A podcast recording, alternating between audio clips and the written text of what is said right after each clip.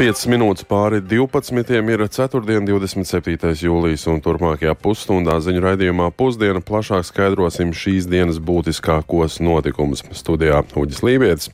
Esiet sveicināti!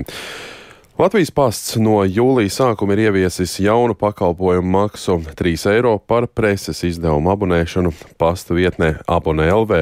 Šāds lēmums tiek skaidrots ar nepieciešamību uzturēt minēto interneta vietni un sekt datu glabāšanas izmaksas. Taču šāds pasta solis ir saniknojis reģionālo laikrakstu izdevējs, kuri ceļ trauksmi par to, kā jaunā nodeva varētu ietekmēt iedzīvotāju vēlmi un arī spējas abonēt gan reģionālos, gan arī citus izdevumus. Uz to šorīt programmā Labrīt norādīja laikraksta Staburaks redaktore Agita Grīnvalde Iruka. Tas jau ietekmē jebkuru preses izdevēju, jo tas attiecās uz pilnīgi visiem, kas izdod gan nacionālos laikrakstus, gan reģionālos. Bet nu, droši vien, ka mūs tas ietekmē būtiskāk, jo nu, tā jau mums tik grūti klājās, un tagad pēkšņi pilnīgi negaidot, atgriežoties no atvaļinājuma, šāds nepatīkams pārsteigums mūs sagaida, par kuru vispirms mēs uzzinām no saviem lasītājiem, nevis no Latvijas pasta, kad jā, ar 1. jūliju lūk, ir ieviesta šī jaunā pakalpojuma maksa, un līdz šim šādas nebija. Un mūsu lasītāji arī pauž neizpratni un bažas par to, ka šī pakalpojuma maksas dēļ būtībā nu, varētu arī avīzi viņu turpāk nepasūtīt. Jo nu, es saprotu, protams, abonē LV nav vienīgā iespēja, kur drukāto presi pasūtīt. To var izdarīt arī eh, kaut vai mūsu avīzes mājaslapā, redakcijā, tur piezvanot pa tālruni vai uzrakstot e-pastā vēstuli. Bet tomēr vairāk nekā puse, kas ir 58% no mūsu abonentiem, avīzi eh, tiešā pasta starpniecību pasūta. Nu, tie, kas sūta gadam vai pusgadam, varbūt šo jauno pakalpojumu maksu tā īpaši nejutīs. Taču puse no mūsu lasītājiem ir tādi cilvēki, kas sūta avīzi uh, pa trim mēnešiem mēnešiem vai pa vienam mēnesim. Šis viņiem ir ļoti būtisks sadārdzinājums. Cik lielus jūs, jūs spējat prognozēt kaut kādus, cik lielas sekas jums tas var radīt? Gaidām, protams, es nevaru izdarīt secinājumus, jo šī jaunā pakalpojuma maksa ir ieviesta 1. jūlijā. Es domāju, ka otrajā pusgadā kopumā mēs redzēsim, kāda ir situācija. Nu, tas, ko mēs paši varam šajā situācijā darīt, un mēs jau arī darām, ir tas, ka mēs aicinām cilvēkus tomēr izmantot šo abonēšanas iespēju, tā teikt, pat tiešo pie mums. Tūlīt būs augusts, sāksies jauna abonēšanas kampaņa. Jums ir skaidrs, kādi būs tarifi nākamam, nākamajam gadam? Nu, pagaidām mums vēl tas nav skaidrs, jo viss ir atkarīgs gan no drukas izmaksām, gan arī lūk, no šiem pasta tarifiem. Tieši runājot par pasta piegādi, jo tur arī pagaidām simtprocentīgi nav skaidrs, cik tas maksās. Līdz ar to šobrīd mēs nevaram pateikt, mm -hmm. kāds, kā, kāda Jā. būs abonēšanas maksa. Jaunie pasta tarifi ir izrādījies pārsteigums arī satiksmes ministram Jānim Vitsenbergam no Nacionālās apvienības. Viņš šorīt sarunā ar mūsu kolēģi Lauru Zvejnieku atzina, ka komunikācija ir bijusi nepietiekama.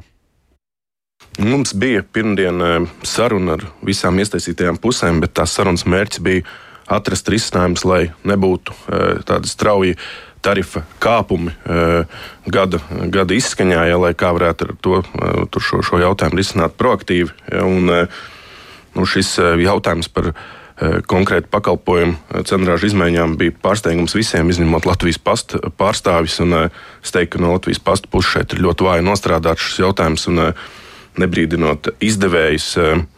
Jo ir dažādas iespējas abonēt presi. Tas bija pārsteigums arī jums? Tas bija pārsteigums. Mums tas ir pasta lēmums, un es esmu rosinājis pasta vadību izvērtēt šī lēmuma pamatotību. Ja, jo uz vietas pasta nodaļā šis, eh, šī iespēja ir lētāka, ja kaut ir iesaistīti cilvēki un cilvēkiem ir jādodas uz vietas. Mēs dzīvojam kurā gadsimtā. Ja, kā, eh, tas ir eh, piebildīšu situācijā, kad mēs jau.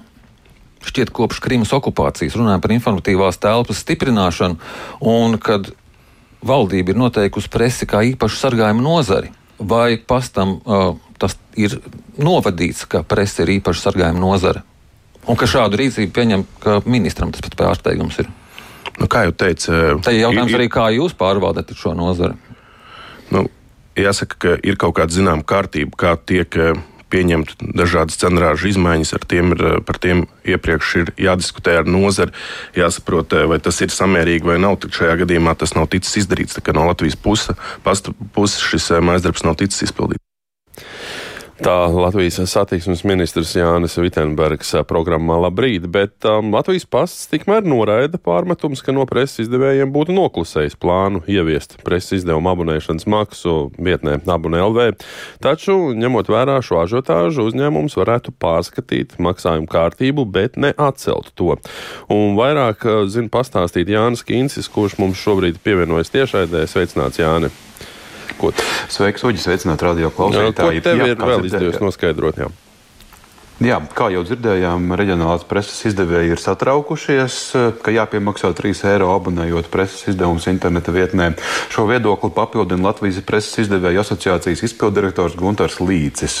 Viņš skaidro, ka reģionālās preses izdevuma abonē, abonements eh, izmaksā vidēji 7 eiro mēnesī, kam klāt abonē LV portāla izmantošanas maksa 3 eiro šķiet pārāk augsta. Un ņemot vērā būtiskas abonentu daļas paradumu laikrakstu pasūtīt reizi mēnesī, mēnesī, nevis, piemēram, uzreiz uz gadu, ir risks, ka daļa lasītāju izlemta no avīzes atteikties. Protams, saglabājas citas iespējas pasūtīt laikrakstu, piemēram, pasta nodaļā vai pie pasnieka, taču to līdzes vērtē skeptiski, jo īpaši reģionos bieži līdz pasta nodaļai ir jāmēro pārāk tāls ceļš. Bet tad kāda ir Latvijas pasta argumentācija? Ieviest abonē LV lietošanas maksu. Uzņēmums skaidro, ka pasta nodaļā un pie pasnieka ir pusotru eiro komisijas maksa par abonēšanas kvītas noformēšanu, taču vietnē abonē LV līdz šim šādu pakalpojumu maksu nepiemēroja. Taču par IT sistēmas uzturēšanu Par datu apmaiņu un datu glabāšanu Latvijas pasts līdz šim faktiski ir piemaksājis par katru tīmeklī veikto abonementu. Latvijas pasta komercvadības departamenta direktors Mārtiņš Liepiņš nepiekrīt, ka šī iecerē nebūtu apspriesta ar individuāliem izdevējiem un preses izdevēju asociāciju. Viņš gan atzīst, ka pirms maksājuma ieviešanas nav informējuši visus izdevējus, lai neradītu lieku ažiotāžu. Taču pašlaik, dzirdot daudzos iebildumus, Latvijas pasta vadības pārstāvis pieļauj šīs maksājuma kārtības pārskatīšanu. Turpina Mārtiņš Liepiņš. Vai var šo maksu atcelt, mainīt? Protams, ka var. Mēs arī šādu iespējamību pieļāvām, un 1. oktobrī sākās gada abonēšanas kampaņa, kad lielākā daļa klientu tieši abonē visam nākamajam gadam gadīgos izdevumus. Tad mēs viņu ieviesām 1. jūlijā, lai redzētu, kas notiek jūlijā, augustā, kādas ir tendences, kāda ir samazinājuma, ko saka izdevēji, ko saka klienti, un iespējams ir jāveic kaut kādas izmaiņas. Ņemot vērā ažiotāžu un rezonanci, tad iespējams tāds būs. Varbūt būs kaut kāds hibrīda risinājums, kur kādi izdevumi dārgāk ir drusku jāpiemaksā, bet varbūt kaut kāda lielā plūsma, kas tiek abonēta uz mēnesi. Absolūti saprotu klientu šoku, kur ir izdevums maksā uz mēnesi 7 vai 6 6 eiro un vēl 3 eiro jāsamaksā. Nu, diezgan drastiski. Es pilnībā saprotu. Bet eh, nu, mums arī ir kaut kā jādzīvo un jāizdzīvo. Vēl piebildīšu, ka pakalpojuma maksas noteikšana par preses izdevumu abonēšanu vietnē Abonē LV ir Latvijas pasta patstāvīgs lēmums, kas nav jāsaskaņo ar sabiedrisko pakalpojumu regulēšanas komisiju. Attiecīgi, iespējamās izmaiņas šī maksājuma kārtībā būtu iespējams ieviest gan ātri, taču tas acīm redzot notiks tuvāk rudenim vai rudenī. Par to arī turpināšu stāstīt arī programmā pēcpusdienā. Uģi! Paldies! Sazinājāmies ar kolēģi Jāni Kīnci, kurš stāstīja arī par jaunajiem Latvijas pasta tarifu plāniem.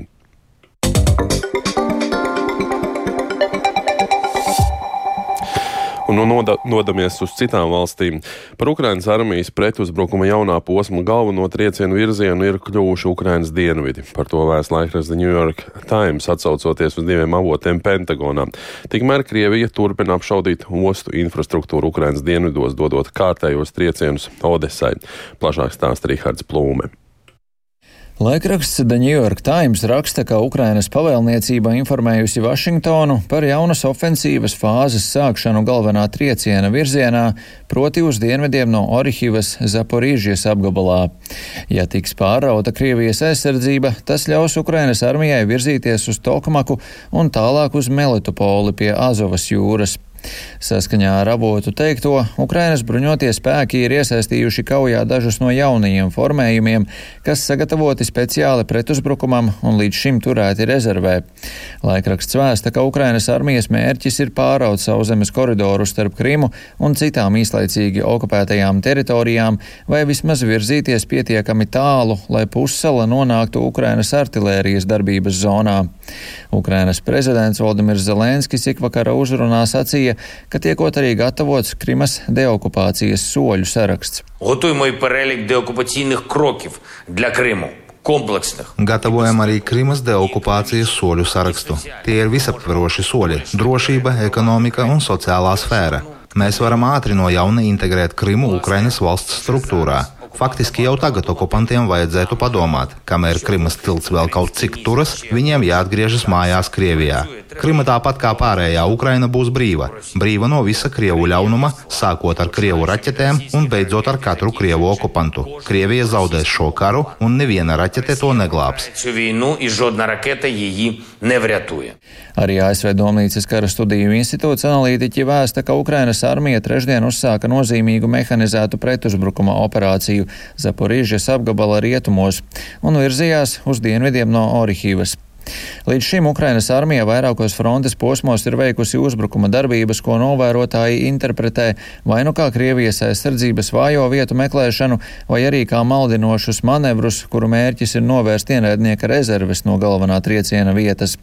Visur Ukrainas armija pārvietojās lēni, ko pēdējās nedēļās ir atzinusi arī Ukrainas pavēlniecība, galvenokārt blīvo mīnu lauku un gaisa spēku atbalsta trūkuma dēļ. Saskaņā ar The New York Times avotu teikto, par labu Ukraiņu ofensīvas pastiprināšanai darbojas trīs faktori. Pirmkārt, virzība cauri mīnu laukiem ir bijusi lēna, bet stabila. Otrakārt, Ukrainas armija var izmantot sekas, ko radījusi Krievijas karavīru vidū populārā ģenerāļa Ivana Popova atlaišana. Un treškārt, pastāvīgie Ukrainas triecieni Krievijas aizmuguras infrastruktūrai ir izraisījuši traucējumus frontes apgādē, tostarp ar munīciju. Tikmēr naktī uz ceturtdienu Krievija kārtējo reizi ar raķetēm un droniem apšaudījusi ostu infrastruktūru Odeses apgabalā. Kā rezultātā ir cietušie un nodarīti postījumi infrastruktūrai.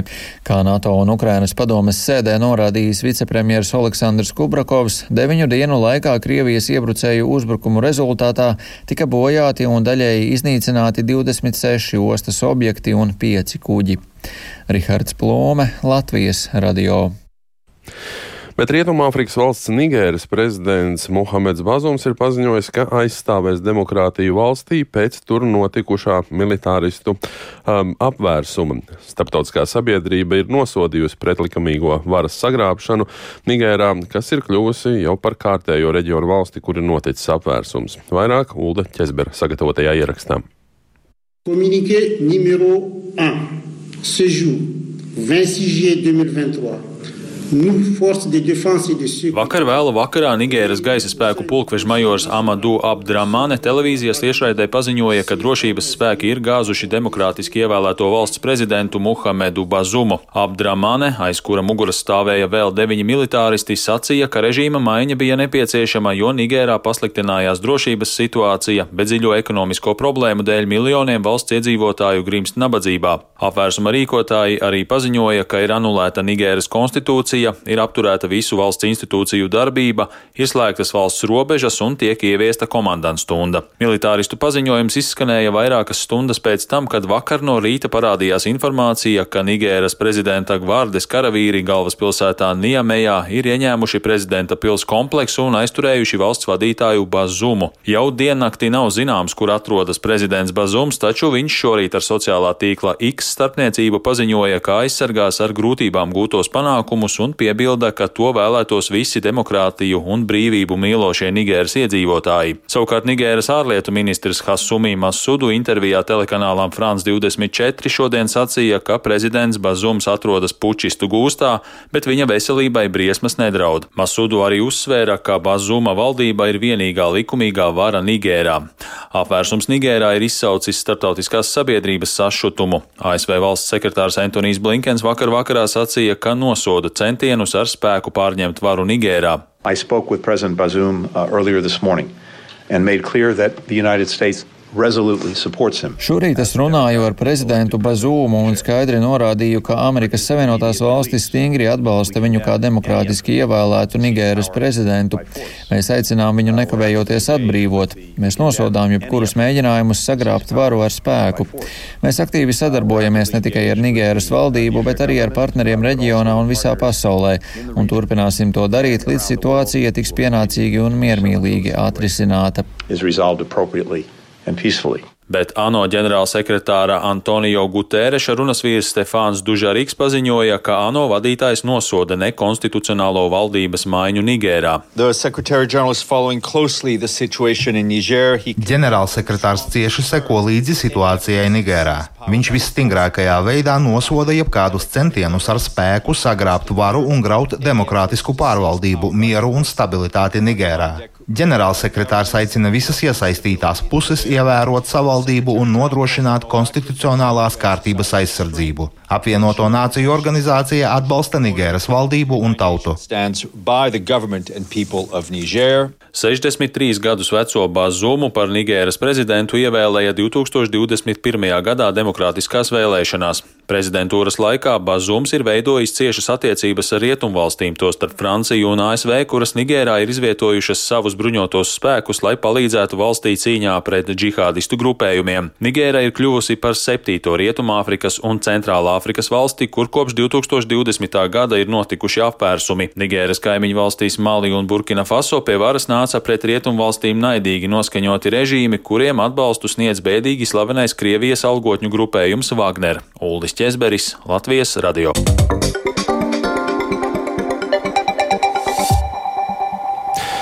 30 gadus par to runā, un nekas nemainās. Tā par garan, grantētajiem ceļa posmiem, kas ved līdz Ziemupei un jūru, saka Dienvidkurzemes turisma eksperts Raimons Reinis, kaut gan diskusijas šobrīd par labāko risinājumu notiek. Pēdējā dienu laikā ziemupnieki kārtīgi reizi sociālajos tīklos šausminās par tikko nogreiderēto ceļu, kas atkal pārvērties bedrēs. Latvijas valsts ceļi vienmēr atbild to pašu, ka ceļš ir sliktā stāvoklī, taču ierobežotais finansējums un zemā satiksmes intensitāte šobrīd šo ceļu posmu neparedz asfaltēt. Vairāk Ingas Ozols sižetām.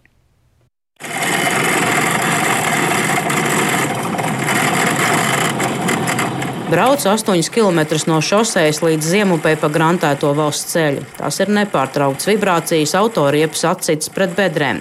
Pa ceļu pakaļkārtējai koku materiālu kravai dodas smagais transports. Vietējie stāsta, ka ceļu izdāngā gan smagā lauksaimniecības tehnika, gan meža tehnika.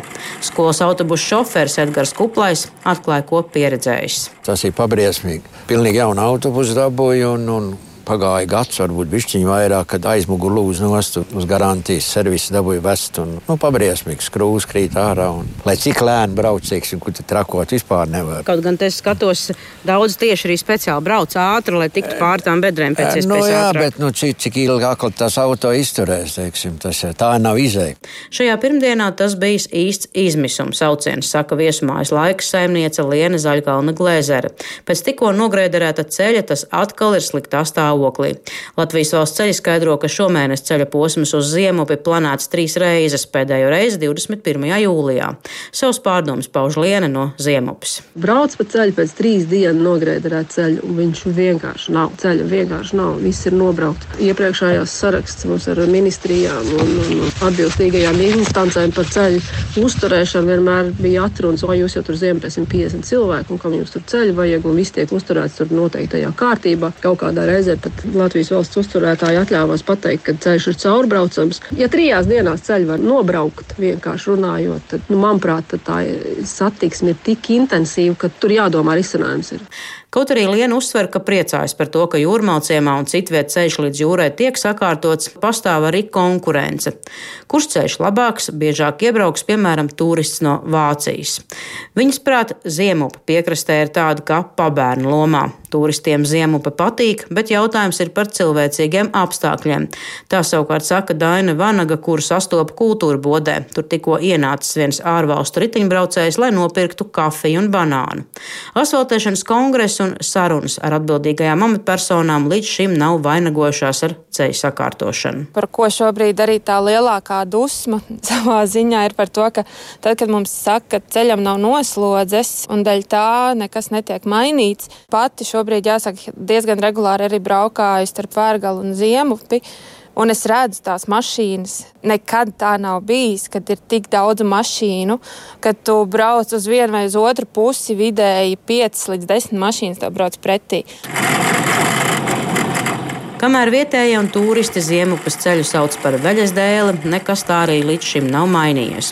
Dienvidkurzemes novada turisma eksperts Raimons Reinis gan uzsver, ka pamatot turisma intensitāti varēs tad, kad paši iedzīvotāji aktīvāk iesaistīsies un reģistrēs uzņēmēju darbību. Ministrija, protams, skatās oficiālajā statistikā. Un ja mums visiem šķiet, ka uh, mums ir ļoti daudz viesmājas, tad jāsaka tā, ka 50-60% viņas nav reģistrētas kā uzņēmēja darbība. Un ministrijas skatās uz oficiāliem datiem. Un, ja kaimiņu Jānis zina, ka tur blakus ir viesmāja, tad, diemžēl, oficiālajos dokumentos tas īsti neatspoguļojās. Lai pierādītu nepieciešamību turismam nozīmīgus ceļus asfaltēt, viens no risinājumiem būtu cilvēku plūsmas mērījuma ar mobīlo operatoru starpniecību, ko jau izmanto Lietuvā un Igaunijā, kas precīzāk rādītu ceļu noslogojumu un turistu plūsmu. Latvijā pašlaik valsts šādu iespēju neizmanto. To uzsver arī Kurzemes turisma asociācijas valdes priekšsēdētājs Artis Gustovskis. Iespējams, tāpēc, ka atbildīgās ministrijas ir ļoti konservatīvas un inovācijas faktiski ienāk tikai Rīgā, ja runājam par digitālām inovācijām, īpaši turismā. Diemžēl. Latvijas valsts ceļi tikmēr norāda, ka prioritāri ir sakārtot posmus, kas savieno pagasta centrus ar novadu centriem. Tikmēr ziemupnieki mazliet ironizē, ka arī viņiem ir jānokļūst līdz novada centram. Latvijas radio izdevās iegūt tikai rakstisku skaidrojumu no uzņēmuma Latvijas valsts ceļa, jo atbildīgās amatpersonas pašlaik atrodas atvaļinājumā. Atbilde sekojoša. 2022. gadā secināts, ka šie posmi Liepājas ķēde Ziemupe, Vērgala Ziemupe ir sliktā stāvoklī. Ņemot vērā, ka valsts ceļu tīkls 30 gadus tiek uzturēts ar nepietiekamu finansējumu, nav iespējams veikt visus nepieciešamos valsts autoceļu remontdarbus. Darbi līdz ar to tiks veikti prioritārā secībā atbilstoši vairākiem kritērijiem, kur galvenais ir satiksmes intensitāte. Jūlijā tikusi veikta satiksmes uzskaite un aprēķinātā gada vidējā diennakts intensitāte ir Vērgala ziemupe 259 automašīnas diennaktī, Liepājas ķēde ziemupe 150 automašīnas posmā posmā pirms ziemupes. Līdz ar to šos ceļa posmus uzturēs kā agrāk, kas pēc ziemupnieku domām nav pieņemami un jāmeklē cits risinājums. Ingo Zola, Latvijas radio Kurzmē. Un, ja par ceļiem esam iesākuši runāt, tad ar ceļiem arī turpināsim. Um, šodien kārtības sargi, drošības eksperti, ārsti un mediķi vērš uzmanību bērnu un jauniešu drošībai satiksmē. Ik gadu siltajos mēnešos notiek vairāk negadījumu, piemēram, kritieni no velosipēdiem, sadursmes braucot ar skrējējiņiem. Un tā kā statistika neiepriecina, tad šodien atklāja kampaņu Tava priekšzīme, svarīgākā ceļazīme. No Vērmans dārza tikko ir atgriezusies uh, Santa Adamsona. Sveicināti! Labdien! Pastāst lūdzu, ko tad kampaņas atklāšanā pārunāja šodien? Jā, labdien par, par drošību. Jāsaka uzreiz, ka ar nebruņot aci ir redzams un saprotams, ka pavasaris vasara ir laiks, kad uh, cilvēki, arī bērni vairāk izmanto velospēdas, skrējriteņus un citus līdzīgus uh, šādus pārvietošanās līdzekļus. Un uh, varētu priecāties par šo aktīvo dzīvesveidu, bet, uh, protams, tam arī ir šī negatīvā puse. Arvien biežāk tas beidzas ar traumām. Man izdevās aprunāties arī ar bērnu Kliniskās universitātes slimnīcas virsārstu Renātu Snipi. Viņa teica, ka šī gada septiņos mēnešos ir par 33 pacientiem vairāk, kur cietuši satiksmē. Tātad pērn līdz jūlija vidum bija 116 bērni, šogad jau 149. Paklausīsimies, kā viņi to komentē. Protams, ka eh, tas, kas nonāk bērnu slimnīcā, tā nav tāda visaptveroša Latvijas statistika, bet tas liecina par tendencēm. Un eh, tas, ko mēs redzam bērnu slimnīcā, tad eh, dažādos veidos gūto traumu skaits, diemžēl, nesamazinās, bet gluži otrādi pieaug. Īpaši ņemot vērā to, ka bērnu skaits Latvijā savukārt samazinās, jo dzimstība samazinās. Nu, tā tendence ir ārkārtīgi nepatīkama. Daudz šos gadījumus varētu arī novērst, vai vismaz mazināt sekas, ja izmantotu dažādas drošības līdzekļus, piemēram, elkoņu sārgus, ķiveri. Un kampaņas atklāšanā piedalījās arī valsts policija un ceļu satiksmes drošības direkcijas pārstāvi. Viņi vērsa uzmanību tam, ka pārsvarā bērni cieši kā paša, pasažieri, un uh, 40% autovadītāji neizmanto bērnu sēdeklīšus. Par to tad es stāstīšu pēcpusdienā. Paldies šajā brīdī, sakām, Santai Ādamsonai, un ar to arī izskan raidījums pusdiena. Tās producents Kārlis Dagilis, ieraksts montēja Renāša Teimanis, par labskaņu rūpējās sievietes zvejniece, ar jums sarunājās Uģis Lībijams. Vēlreiz īsumā par svarīgāko. Reģionālajie preses izdevēji ir satrauti par papildus izmaksām, pasūtot laikrakstus internetā. Latvijas pasts jaunās nodevas atcelt negrasās. Ukraina turpina pretuzbrukumu valsts dienvidos, bet Nigērā noticis militārais apvērs klusums. Un šeit pat Latvijā sākas satiksmes drošības kampaņa Tava priekšzīme, svarīgākā ceļazīme. Yeah.